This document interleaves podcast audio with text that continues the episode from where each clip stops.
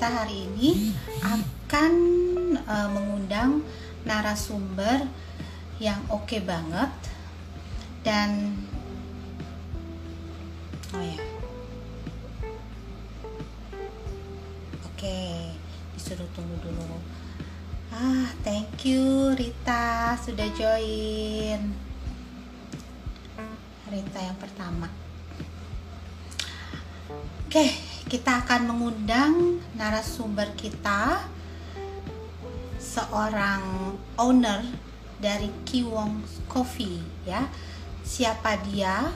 Lalu inspirasi apa yang bisa dibagikan bersama sahabat uh, sahabat uh, B ya inspirasi apa sih yang yang yang dibagikan dan apa yang bisa kita pelajari hari ini dari seorang narasumbernya. Nah, tanpa perlu lama-lama lagi, saya akan mengundang narasumber uh, Kak Oki ya, atau Mas Oki kita uh, panggilnya. Yuk, kita undang dulu Mas Okinya. narasumbernya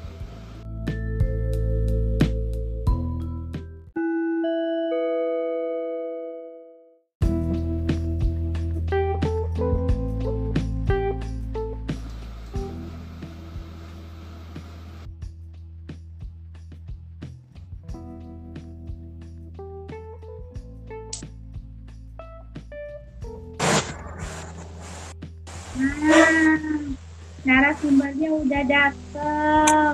Ini yang dateng yang joinnya baru sedikit apa apa ya. Halo Minal ID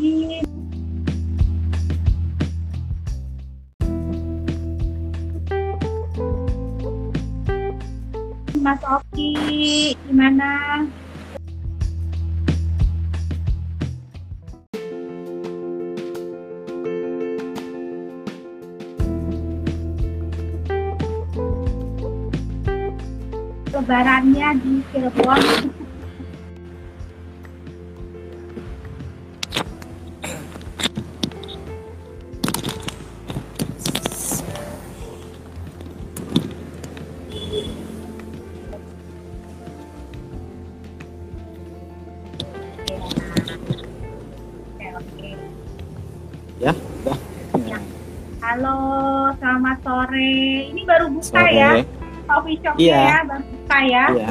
Setelah libur berapa hari? Tiga hari? Empat hari? Uh, dua hari. Oh, malah dua hari. Oke. Okay. Iya. Ya. Uh, Oke, okay, thank you Wahyu. Oke, okay, sahabat kita uh, narasumber kita yang tadi saya sudah jelaskan, beliau adalah seorang owner dari sebuah coffee shop yang oke okay banget di kota Cirebon ya, namanya Kiwong Coffee. Nah mungkin sahabat-sahabat yang uh, sedang berada di Cirebon atau mungkin uh, sedang berkunjung ke Cirebon, silahkan cari. Cuma alamatnya mungkin kita tanya nih sama ownernya ada di manakah coffee shopnya. Sebelum kita ngobrol dan mendengar kisah inspirasi dari uh, Kak Oki ya. Kalau di sahabat ini biasanya kita panggil Kak. Nah, dari Kak Oki ini uh, kita minta Kak Oki untuk memperkenalkan diri dulu Kak Oki. Siapa Kak Oki, lalu aktivitasnya apa, tokonya apa aja dan di mana. Silakan Kak Oki. Uh, sebelumnya perkenalkan nama saya Oki Mahendra saya owner dari Kiwong's Coffee. Uh, Kiwong's Coffee ini berdiri semenjak tahun 2016. Awalnya dari uh, motor roda keliling, sekarang alhamdulillah kita sudah punya uh, tempat sendiri. Uh, kopi shop kita ada di wilayah Sumber, tepatnya tidak jauh dari Polresta Sumber, Polresta Cirebon. Sumber ya. Cirebon. Jadi ternyata ya. Wong Coffee ini sudah berdiri sejak tahun 2016 ya. Berarti ya. sudah sekitar lima tahun ya, Coffee ya. Lima tahun. Iya lima tahun. lima tahun ya lima tahun itu bukan eh, bukan waktu yang sebentar untuk mem, apa ya untuk mendirikan satu usaha ya apalagi yang kita ketahui saat ini sekarang tuh kayaknya coffee shop itu sedang eh, merajalela Menjamur. menjamur ya kopi ya menjamur di mana-mana kayaknya merajalela juga bisa. menjamur di mana-mana kayak kayak Iya. jamur musim hujan ya Kaufi. Nah tadi Kaufi Hmm. sempat ngomong, uh, Kaufi sempat jualan kopi menggunakan apa tadi kereta? Eh, motor roda tiga. Eh sorry, motor roda Ya. tiga. Nah lalu uh, sampai punya tempat uh, sendiri sekarang ya Mhm. uh, coffee shop, uh, coffee shop ini. Nah, yuk kita sekarang dengerin kisah Kaoki jatuh bangunnya Kaoki gimana sih waktu Kaoki uh, mengalami atau me- me- menjalani ini semua. Silakan Kaoki. Eh, awal mulanya saya emang belum kenal ya di awal-awal 2016 saya sendiri belum kenal yang namanya kopi istilahnya kalau misalnya kopi-kopi yang sekarang sedang booming itu kan namanya single origin single origin kopi jadi kopi-kopi yang original kopi-kopi yang bukan disobek tapi digiling Eh, saya mulai kenal kopi ini dari paman saya yang di Bandung. Kebetulan dia juga punya, eh, bukan punya, pu- punya punya bisnis kopi di Bandung. Dan kebetulan sebelum kopi itu booming, dia sudah mengekspor kopi ke luar. Karena dia ada kerjasama dengan kawan-kawannya. Eh, begitu dikenalkan, dan ternyata saya sendiri paling suka dengan kopi sobek ya. Eh, tidak usah diceritakan. Eh, apa namanya baik dan buruknya kopi sobek. Yang pasti eh, ketika saya kenal dengan kopi ini untuk untuk diri saya sendiri tidak ada efek samping sama sekali dan berusaha apa ya namanya pokoknya ada ada sisi baiknya saya kenal kopi ini. Kemudian saya tertarik untuk bisnis menjual kopi, tapi karena saya tidak punya peralatan dan punya skill yang memadai, akhirnya eh, apa? Saya diawali bisnis kopi ini dengan eh, berjualan kopi bubuk dari kopi bubuk berjalan beberapa minggu eh ada konsumen yang komplain. Jadi ada beberapa seduhan yang tidak se bukan tidak sesuai tidak sama dengan seduhan-seduhan yang sebelumnya. Kok katanya beda eh, seduhan yang kemarin dengan seduhan yang sekarang? Dan bukan satu dua orang yang ngomong. Pada akhirnya eh, saya lebih tertarik cenderung ke eh, apa ingin mencoba belajar menyeduh kopi. Dari situ yang namanya menyeduh kopi itu kan banyak sekali ya. Tutorial-tutorial juga banyak sekali tapi eh, selain dari tutorial di Google saya juga belajar ke beberapa teman-teman saya eh, untuk cara menyeduh kopi. Dan pada akhirnya saya sendiri lebih lebih tertarik ke nyeduh kopinya gitu daripada jualan kopinya. Nah, mulai ya, mulai dari situ akhirnya saya berpikir ah eh, saya lebih enak eh, bisnis kopi dengan berjualan kop, eh, minumannya gitu daripada si kopinya itu sendiri gitu. Eh, di sisi lain saya ingin punya keinginan bisnis eh, terjun di dunia kopi saya nggak punya modal gitu. Dan pada waktu itu karena saya apa ya saya sendiri pernah beberapa kali terjun ke dunia bisnis yang lain dan saya juga jatuh bangun jatuh bangun begitu. Itu eh, sampai istilahnya saya untuk menghidupi keluarga saya sendiri bingung gitu ada apa sih namanya? Ya saya pernah terpuruk lah gitu. Pernah terpuruk. Sampai akhirnya saya berpikir saya nggak mungkin terjun ke bisnis kopi. Karena dari peralatan-peralatan kopi itu sendiri kan lumayan lumayan mahal. Ketik, e, bisa dihitung lah. E, kalau misalnya kita mau benar-benar terjun ke bisnis kopi yang untuk warung-warung biasa aja itu sekitar 15 sampai 25 juta eh, modal awal yang harus kita penuhin di situ. Nah, dari situ saya mulai berpikir tapi saya harus bisa gitu. Saya harus terjun ke dunia bisnis kopi ini selain saya uh, ingin memperbaiki hidup saya, saya juga uh, hobi. Pada akhirnya saya hobi, saya senang ke kopi-kopi yang seperti ini. Saya mulai tahan sebentar ya? uh, Oke. Oke, tahan sebentar. Jadi uh, tema kita hari ini ini kan tentang modal itu atau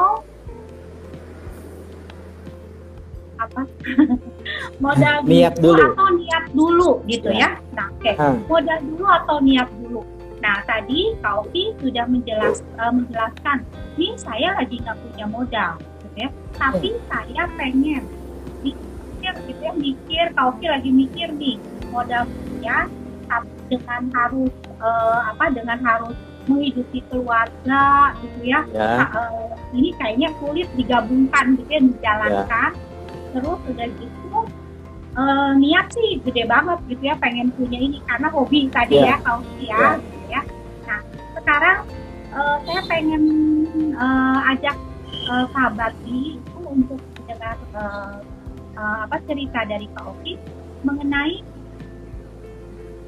sesi atau saat di mana Kak Oki sedang terpuruk. Lalu apa sih yang membuat Kak Oki itu uh, bangkit? Ya karena menurut saya apa yang dialami oleh Kak Oki itu adalah satu apa ya secara psikologi itu ada satu kemampuan uh, besar yang dimiliki oleh seseorang. Ketika dia jatuh lalu dia bangkit dan dia berusaha mencapai apa yang dia inginkan. Ini adalah poin yang pengen uh, saya uh, kupas gitu ya. ya. Dan kalau kita kau kita sharing. Jadi uh, bagaimana kau bangkit uh, bangkit dari keterpurukan itu dulu deh kayaknya yang harus jawab ya kalau misalnya dihitung-hitung ketika waktu itu saya berusaha ingin masuk ke dunia bisnis kopi itu nggak akan bisa masuk. Karena waktu itu saya punya uang hanya 3 juta. 3 juta itu digenapkan saya pinjam ke saudara. Nggak semuanya 3 juta itu e, murni uangnya saya. Uh, jauh ya Kak ya dari target jauh, 15 jauh juta jauh dari ya, target ya, 15 juta. Iya iya. Kalau mikir secara logika itu kan nggak masuk ya.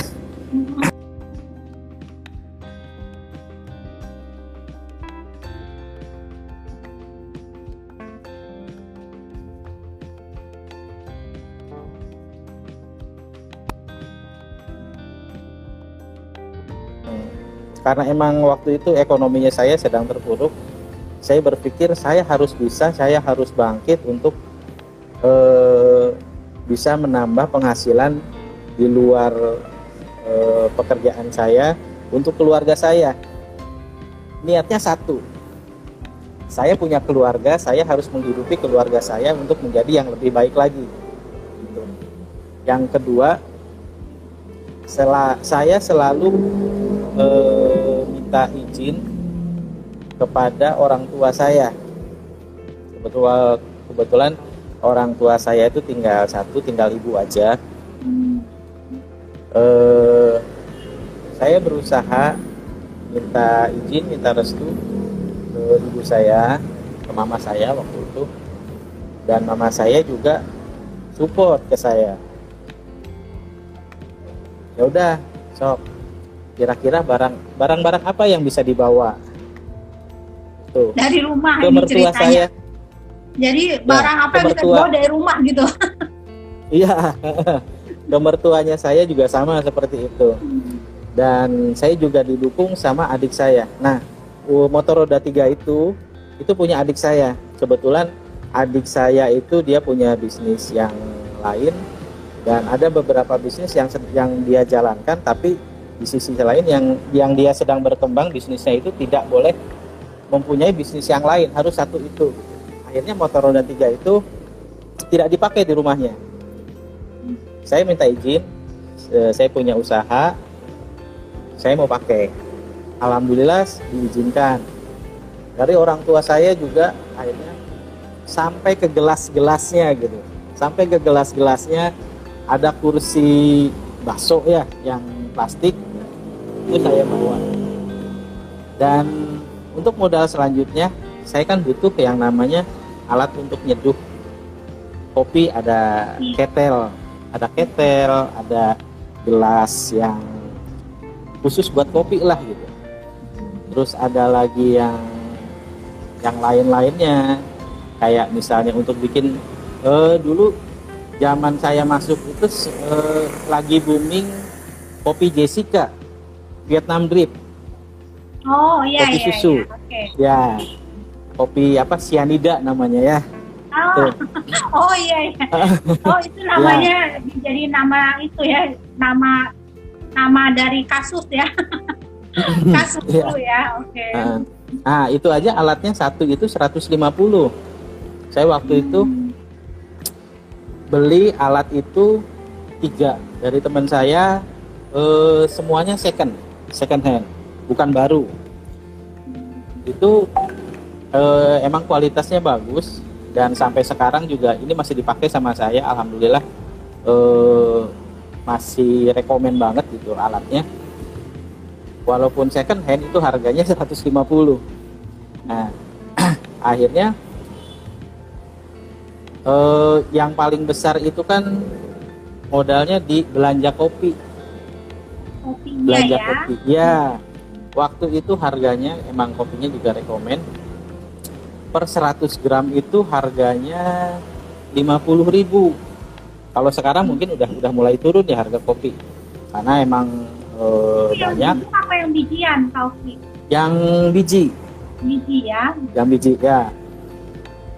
Itu eh, saya juga beli itu 100 gram 100 gram. Ada sekitar kalau nggak salah ada 6, 6 macam ada 6 macam kok jenis kopi untuk grindernya untuk ngegilingnya saya pakai yang eh, manual yang digiling pakai Oh, apa Oke. Iya, Ah, iya. pakai tangan.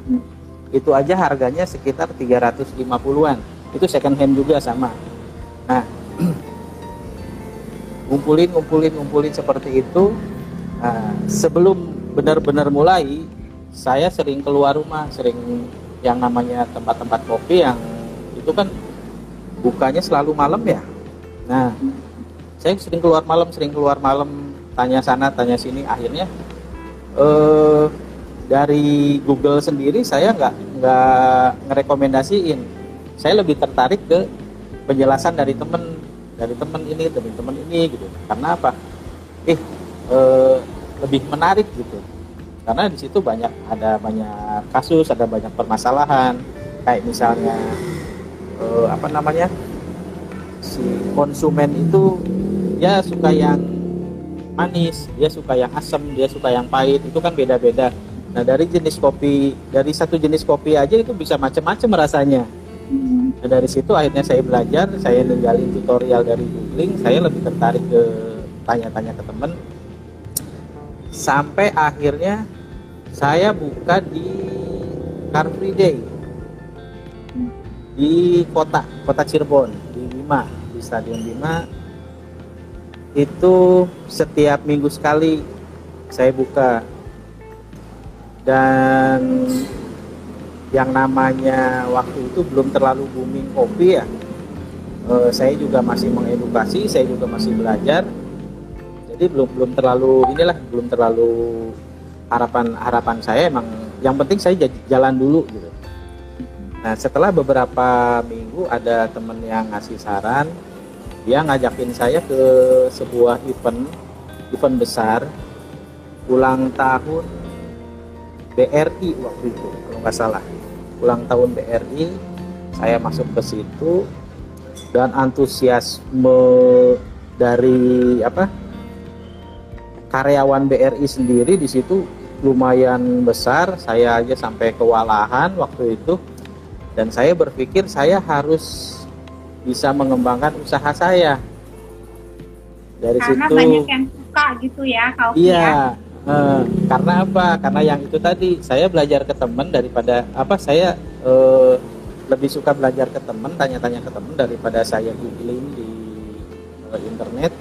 Karena itu eh, konsumen itu ternyata dia suka yang beda gitu si A suka yang begini si B suka yang begini si C yang suka begini gitu Nah kita harus tahu karakter karakter mereka kan. Ada yang suka manis, ada yang nggak suka terlalu manis gitu. Nah ini menarik Kauki, tanya sebentar. Hmm. Bagaimana ya. Kauki bisa tahu uh, si customer itu sukanya yang manis atau yang asam atau yang kurang mana, yang pahit gitu ya? Uh, jadi approach-nya gimana Kauki biasanya? Apakah memang kayaknya tipikal-tipikal kalau cewek sukanya gimana atau cowok sukanya gimana atau lebih personal nanya.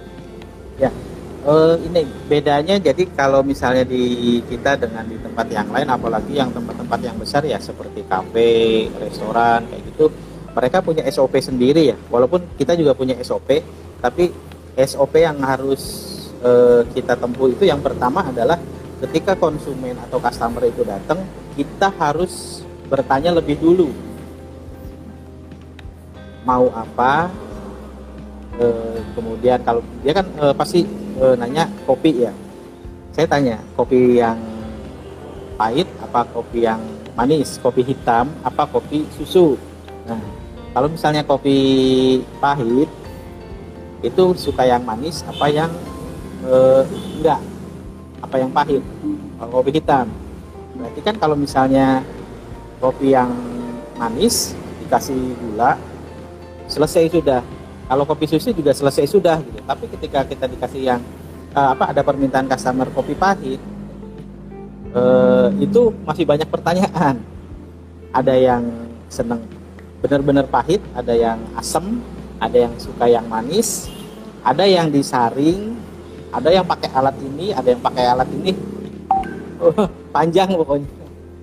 Ya. Nah, oke oke saya sampai saya sampai terbengong-bengong mendengar penjelasannya Kak Oki. Sebelumnya ya, saya... ini ada Terayulis ya. Mantap Q uh, ya mantap Kiwong Coffee oke okay, thank you. Dan sudah bergabung. Untuk uh, yang sudah join boleh kalau mau bertanya silahkan tulis di uh, kolom komen ya. Nanti Kauki akan menjawab. Woi, aku kasih metal ya nanti Kak Oke kan akan jawab ya. Uh, tulis pertanyaannya di kolom komentar. Oke okay.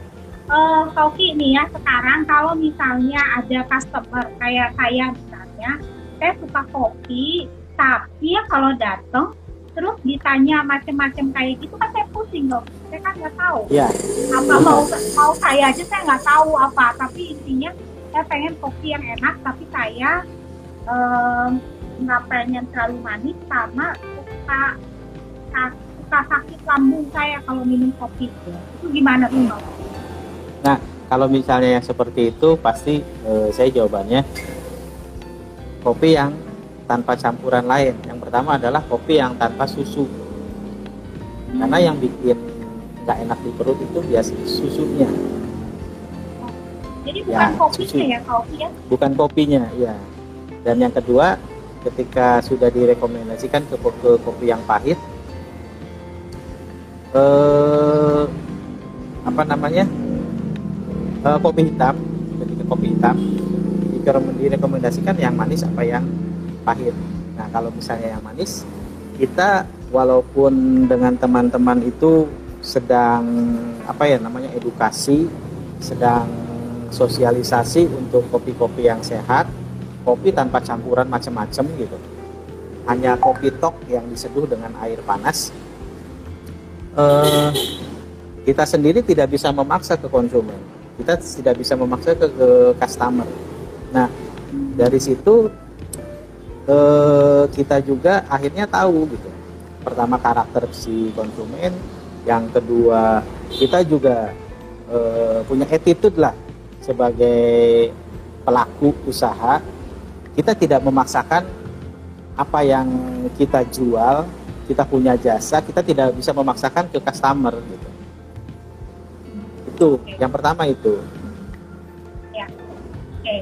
ya oke okay. jadi aduh baik banget ya kayaknya kalau saya masuk itu terus dijelasin terus uh, hanya diberi uh, suggestion ya suggestionnya ini kalau mau oke okay. ya jadi terserah customernya apa tinggal dibuatin gitu ya Kauki ya ya, ya oke okay. nah sekarang kita mau masuk ke uh, ke ini ya ke tahapan berikutnya jadi tadi bahwa saya melihat atau saya menyimpulkan apa yang Kauki lakukan itu uh, adalah sebuah resiliensi jadi itu yang sedang saya bahas sahabat jadi resiliensi adalah uh, satu kemampuan seseorang ketika dia menghadapi uh, satu kendala ya atau satu permasalahan. Jadi seberapa kuat dia menghadapi permasalahan dan kendala yang dihadapi. Nah, itu yang uh, kita akan lihat nih kualitas dari kepribadian seseorang. Nah, dari paparan Tauki tadi saya sudah melihat betapa Kauki uh, mempunyai pertama adalah daya juang yang tinggi ya untuk uh, apa ya berjuang untuk bisa menghidupi keluarga berjuang untuk uh, menghidupi mimpinya gitu ya menghidupi mimpinya. Lalu yang berikutnya adalah uh, yang saya yang saya mau tahu pada saat Kak Oki uh, pertama kali uh, apa buat kopi dia mau buka toko kopi atau mau menjalani uh, bisnis kopi ini nah kopi kan tadi sebutin bahwa barang-barang aja uh, dari orang tua minta doa orang tua ada nggak sih perasaan malu? Nanti gimana ya kalau teman-teman lihat gitu ya? Terus uh, ada nggak sih perasaan aduh minder nih kok yang lain tokonya begitu gue kayaknya cuma pakai uh, ini terus udah itu barang second. Terus gimana caranya Kak Oki membangun kepercayaan diri Kak Oki sehingga semuanya bisa berjalan? Enggak ya kalau saya tipikalnya gini ya. Kalau saya saya. Mereka mereka kalau misalnya apa yang saya lakuin saya tidak merugikan orang lain apa yang salah gitu? Hmm. ini saya kehidupan saya seperti ini ya kenapa harus saya tutup tutupin gitu uh, toh ya ya. Toh saya juga tidak tidak uh, tidak apa sih tidak menyusahkan mereka. Saya tidak uh, minta apa sih namanya minta bantuan mereka gitu. Walaupun ada dari beberapa teman-teman yang yang memang saya saya minta bantuan ya. Tapi intinya adalah yang penting saya tidak merepotkan gitu. saya tidak menyusahkan mereka itu aja sih sebenarnya. Jadi kenapa kalau misalnya eh, ini kekurangan saya kenapa saya harus tutup tutupin justru itu yang bisa jadi bahan cerita saya. Orang lain gitu. Mereka yang punya yang punya apa namanya punya uang mereka yang punya segalanya ketika mereka mau hari itu juga minggu itu juga langsung jadi langsung punya usaha. Tapi saya gitu. Yang tadi hanya punya modal segitu tapi akhirnya saya bisa gitu. Oke. Nah, yang nah, yang jadi... yang saya selalu ngebangkitin ke ke teman-teman juga kenapa sih kalau misalnya emang udah niat e, selalu ditunda-tunda kenapa sih harus menunggu modal dulu? Cari uh, solusinya. Cari jalan yang lain gitu. Kalau misalnya yang kamu pengen punya usaha yang yang di punya usaha A udah jangan jangan A dulu gitu. Cari yang lain dulu kan ada B C yang nggak nggak langsung gede gitu. Bertahap mulai dari yang kecil dulu. Karena nanti e, suatu saat ketika kita jadi besar kita juga akan ngerasa lebih puas gitu daripada orang yang udah punya bisa bisa bisa apa namanya? Bisa punya bisnis yang langsung besar kepuasan mereka kecil gitu. Tapi kita sendiri ketika beranjak naik beranjak naik beranjak naik kepuasan kita kan setiap hari gitu ada gitu. Nggak saat itu juga iya itu yang yang iya, menumbuhkan iya. semangat saya ketika saya berjualan hari ini 150 dapatnya.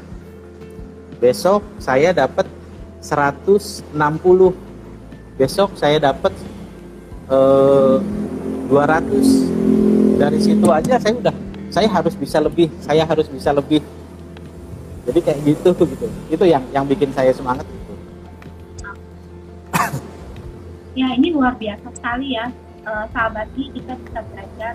Ternyata uh, di balik semua itu saya menangkap banyak ya arti atau ini caranya meaningful banget buat saya. Sama ya gitu. Ngapain malu? Nah ngapain itu ya ya kan ya kata itu luar biasa.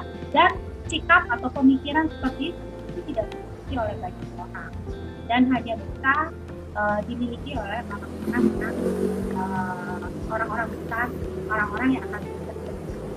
Oke, okay, setelah itu Kauki, dibalik semua itu, ya dibalik uh, keyakinan Kauki, dibalik struggling Kauki, dibalik uh, apa jiwa besarnya Kauki. Uh, tadi kan selain doa orang tua, ya doa orang tua, support orang tua, mertua kasih barang-barang apalagi yang kekuatan apalagi yang kau punya kau mesti harus jatuh bangun harus tanya ke orang harus uh, Kopi pernah cerita bahwa harus dimusuhin sama uh, teman-teman yang punya kopi lain ya. Nah sebenarnya kekuatan kopi apa sih? Istri saya. Nah istri oke. Okay. ya karena apa? Uh, saya sudah berjanji ke istri saya saya bakal ngerubah hidup saya. Walaupun dari di awal-awal istri saya emang nggak setuju gitu. Karena yang namanya kopi itu kan setelah ini ya setelah saya punya tempat sendiri waktu itu kan uh, saya masih di Car Free Day ya setiap minggu ya terus saya punya tempat sendiri dan di tempat itu saya emang jatuh. Karena tempatnya itu langsung besar kayak jatuh. Uh, dan jadi ada apa sih teman punya tem uh, punya tempat. Kebetulan teman itu dia baik baik baik sekali sama saya. Sok tempat itu dipakai. Kamu nggak usah mikirin apa-apa yang penting bayar listriknya aja gitu. Sama jaga kebersihannya itu uh, dari situ saya nempatin ternyata tempatnya kurang apa namanya kurang baik lah gitu. Ya tempatnya kurang baik. Ada ini tempatnya oh. kurang baik. Ya dan akhirnya saya mencoba pindah ke pinggir jalan tetap dengan motor roda tiga saya. Dari situ saya nempatin di tempat yang sebelumnya punya ju, uh, jualan kopi juga. Cuma dia pakai gerobak. Nggak sampai satu bulan lah. Dia dia mencoba uh, dua bulan kurang ternyata kurang berhasil.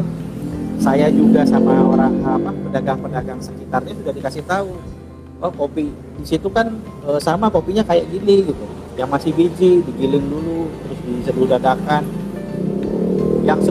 juga di sini sama seperti itu saya sempat sempat ini juga sempat mikir juga sempat down juga.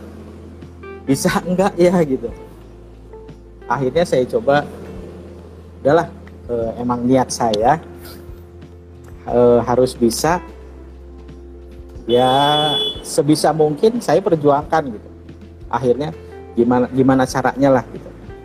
Jadi saya berusaha untuk membuat membuatnya beda kayak misalnya saya pakai motor roda tiga. Itu aja udah beda. Di sini di Cirebon belum ada yang pakai motor roda tiga. Ada yang pakai motor eh, di sampingnya ada gerobaknya. Ada yang pakai gerobak kayak mie ayam kayak gitu. Eh, saya berusaha untuk untuk untuk beda lah. Pada akhirnya cerita dari mulut ke mulut alhamdulillah eh, di situ saya nemuin nemuin. Istri saya tetap masih belum serp masih belum setuju. Karena yaitu saya cari uang keluarnya malam. Nah, sebelumnya ini dulu ya saya saya PNS saya pegawai negeri sipil gitu. Notabene orang pasti nanya kok mau gitu seorang PNS jualan kopi di pinggir jalan? Saya jawab masa bodoh. Mau mereka mau bilang apa ke saya yang penting saya tidak merugikan mereka gitu. Kalau misalnya mereka mau belajar kopi ke saya mangga kalau misalnya hanya sekedar ingin tahu mangga mau jadi konsumen saya alhamdulillah gitu kan uh, dari situ juga saya harus bisa gitu. Mereka pasti mengejek saya teman-teman saya pasti ngejek saya. Bikin bikin jatuh saya. Bikin ya.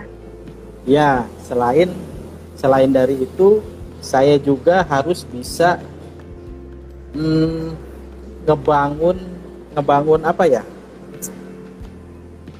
Bukan ngebangun. Oh ya ngebangun sedikit-sedikit ngebangun eh, apa yang ada di pikiran istri saya. Bahwa merubah paradigma berpikirnya ya? Iya iya Nah. iya. Ngapain sih eh, apa namanya nyari duit malam-malam dapat uangnya cuma segitu gitu. Akhirnya saya selalu ngajak istri saya saya selalu apa namanya karena anak-anak saya juga waktu itu masih kecil saya juga bawa anak-anak tapi jam 9 pokoknya sebelum jam 10 itu istri sama anak-anak saya udah eh, pulang ke rumah. Ya. dan dari situ mulai eh, keterlibatan istri saya apa ya orang menarik gitu. Menarik menarik. Ih ada suami istri jualan kopi. Dari situ aja udah udah menarik perhatian ya. Customer yang belum tahu kan pasti penasaran gitu. Akhirnya dari mulut-mulut dari mulut-mulut dari mulut-mulut ada yang menanyakan istrinya saya aja bukan bukan sayanya. Si tetehnya ke mana katanya. Wih, saya, saya pengen ngobrol sama si teteh katanya. Ada yang yang seperti itu ada. Jadi sampai sekarang pun image bahwa e, istri saya itu jadi tempat curhatannya para customer ada. Oh. Kadang ya kadang anak-anak muda ya kadang anak-anak muda yang mereka punya masalah keluarga punya masalah cowoknya atau ceweknya curhatnya ke istri saya gitu. Ada curhat gratis ya sambil Iya. minum kopi. Oke. Nah dari eh, eh, dari situ juga akhirnya eh, selain saya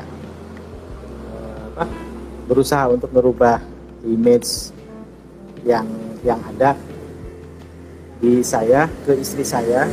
Akhirnya dengan sendirinya customer juga. Ada sisi-sisi lain lah dari dari situ yang apa namanya yang bisa menarik perhatian selain dari sayanya sendiri ya. Dan salah satu yang tadi tentang customer ya keinginan customer begitu banyak yang beda-beda. Saya aja sampai sekarang tuh masih sering ribut sama istri saya. Karena Kenapa? setiap setiap setiap apa namanya setiap customer itu kan si A minta yang begini si B minta yang begini si C minta yang begini. Nah ketika saya ajarin istri saya bikin kopi yang begini besoknya beda lagi besoknya beda lagi ah nggak mau katanya. Kok beda-beda katanya. Nggak mau ah bikin kopi terserah nah dari situ uh, saya juga uh, sempat sharing juga ke teman-teman saya. Saya ngasih nama ngasih judul gitu. Ngasih judul namanya psikologi konsumen. Jadi sebelum sebelum saya saya ngasih uh, apa apa yang mereka pesan saya harus ngobrol dulu. Saya harus tahu karakter orang orangnya dulu.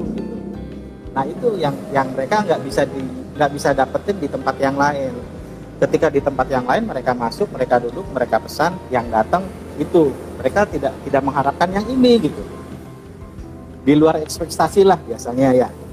Ketika mereka pengen oh cappuccino itu biasanya manis. Begitu datang kok nggak ada manis-manisnya gitu. Gitu tapi kalau misalnya ya, datang ke tempatnya kita mereka minta yang manis mereka minta yang tidak seperti yang biasanya ya mereka bisa bisa ngedapetin di, di di kita gitu makanya ketika mereka ke tempat yang lain kok rasanya beda nggak sama dengan di kita gitu ya, saya balik balik balik apa namanya ke teman-teman juga yaitu bedanya kita dengan yang lain itu seperti itu gitu. walaupun kita banyak dibully karena apa yang sesuai prosedur e, menyeduh kopi itu seperti itu saya lakuin yang lain karena saya lebih mementingkan konsumen daripada apa yang ya apa yang udah tertulis di SOP gitu. Itu. Oke. Ini luar biasa. Baru ada di Kiwong uh, customer menggunakan jadi orang psikolog apa yang orang yang belajar di psikologi itu memang belajar psikologi konsumen tapi untuk seorang owner uh, uh, Kiwong itu dengan latar belakang bukan dari psikologi ya, Kauki ya. Iya. Bukan, tapi belajar psikologi konsumen supaya memahami betul keinginan konsumen itu luar biasa ya oke okay, Kauki Kauki itu sebenarnya latar belakang uh, uh, pendidikannya memangnya dari apa ya dari food and beverage atau apa uh, sosial tadi dari sosial saya Oh dari sosial, jadi nggak ada hubungannya ya. dengan kopi ya, nggak ada hubungannya dengan ada. kopi. Nggak ada. Okay. Tapi jadi, dari dari dari situ juga, ketika disambung-sambungan ya akhirnya emang emang kita harus harus bergaul dengan para komunitas sebetulnya, dan itu memang dibutuhkan. Iya, jadi tidak bisa berdiri sendiri, tetap harus punya komunitas kopi.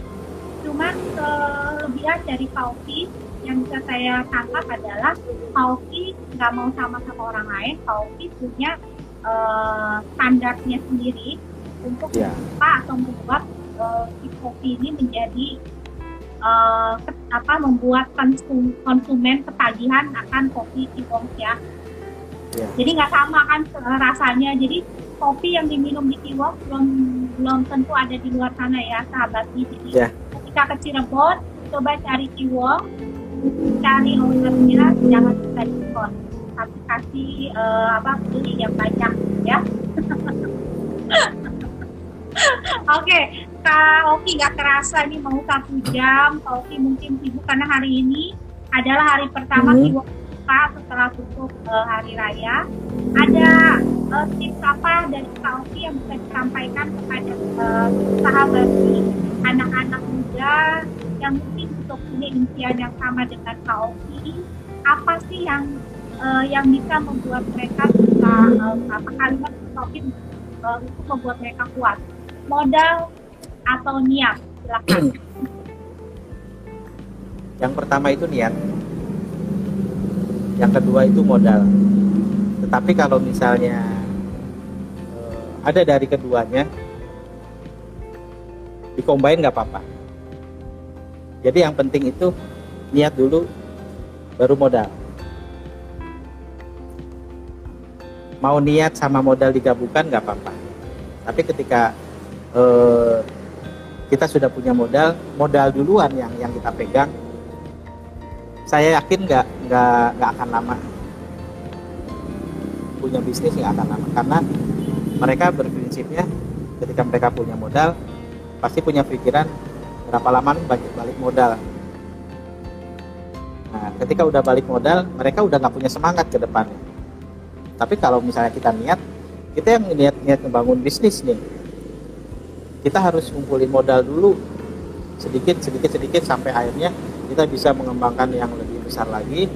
Akhirnya eh, kita juga sayang untuk meninggalkan eh, apa bisnis ini. Karena apa?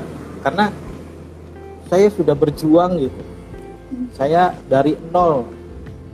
Itu kan punya pengalaman sendiri gitu. Dari dari balik dari balik yang lainnya beda sama yang punya pemikiran modal dulu itu intinya itu. Uh, saya juga punya punya pesan sih ke teman-teman ketika pengen punya usaha sendiri pengen punya bisnis sendiri yang pertama adalah jangan terlalu banyak mikir. Kalau mikir terus kapan jalannya? Tuh yang apa namanya? Kedua apa jangan terlalu cepat puas. Karena ketika kita mikirnya sukses, sukses itu sebetulnya e, jadi pemicu, bukan bukan bukan akhir, bukan akhir dari kita e, sampai di situ gitu. E, kemudian yang ketiga adalah kita nggak nggak apa namanya kita nggak harus lebih pintar dari orang lain, tapi kita harus bisa lebih disiplin dari orang lain itu aja. Ketika kita punya komitmen kita harus e, membangun suatu brand misalnya ya kita harus bisa mengembangkan itu sampai akhir. Kita harus disiplin itu aja. Ya ya ya ya. Itu uh, tips buat uh, apa buat sahabat I dari kesuksesan uh, KOI yang di highlight kalau menurut saya itu luar tapi biasa. sebenarnya betul. Sebenarnya bukan sukses ya. Karena saya sendiri kalau misalnya dibilang sukses saya masih masih jauh masih masih jauh dibilang sukses.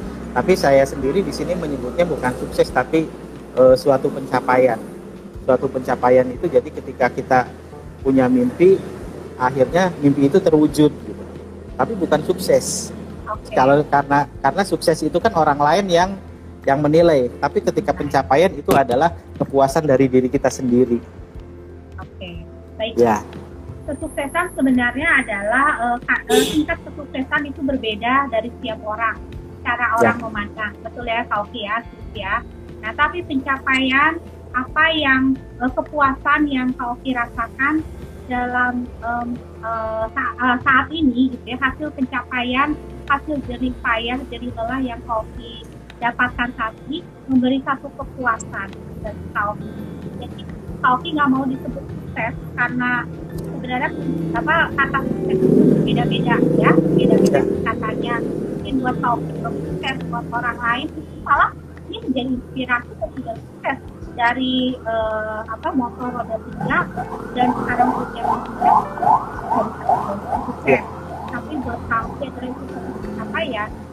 Oke okay, masalah nah hari ini adalah hari yang luar biasa uh, sharing yang sangat bermanfaat buat kita semua, buat anak muda yang mau berusaha, yang mau mau punya usaha, niat dulu yang penting sebelum modal. Karena di balik itu semua ada makna yang terkandung, gitu ya. Samping itu tidak semata-mata hanya niat tanpa usaha dan kerja keras. Dibutuhkan usaha, kerja keras, dan bangun, mau bertanya, daya juang dan masih banyak faktor-faktor yang lainnya. Sehingga kita punya kepribadian yang kuat yang religion resiliensi yang kuat gitu ya. Sebagai pribadi yang punya resiliensi sehingga kita mampu menghadapi situasi apa pun uh, yang menghadang kita dan kita masih bisa terus maju. Terima kasih Kak Oki untuk kesempatan sharingnya hari ini. Uh, sukses terus untuk usaha kopinya. Terima kasih juga mau meluangkan waktu untuk sharing bersama kami di sini. Ya Kak Oki. Terima kasih, terima kami kasih. pamit, terima kasih. Sukses Ya. selalu. Bye-bye. Terima kasih. Ya.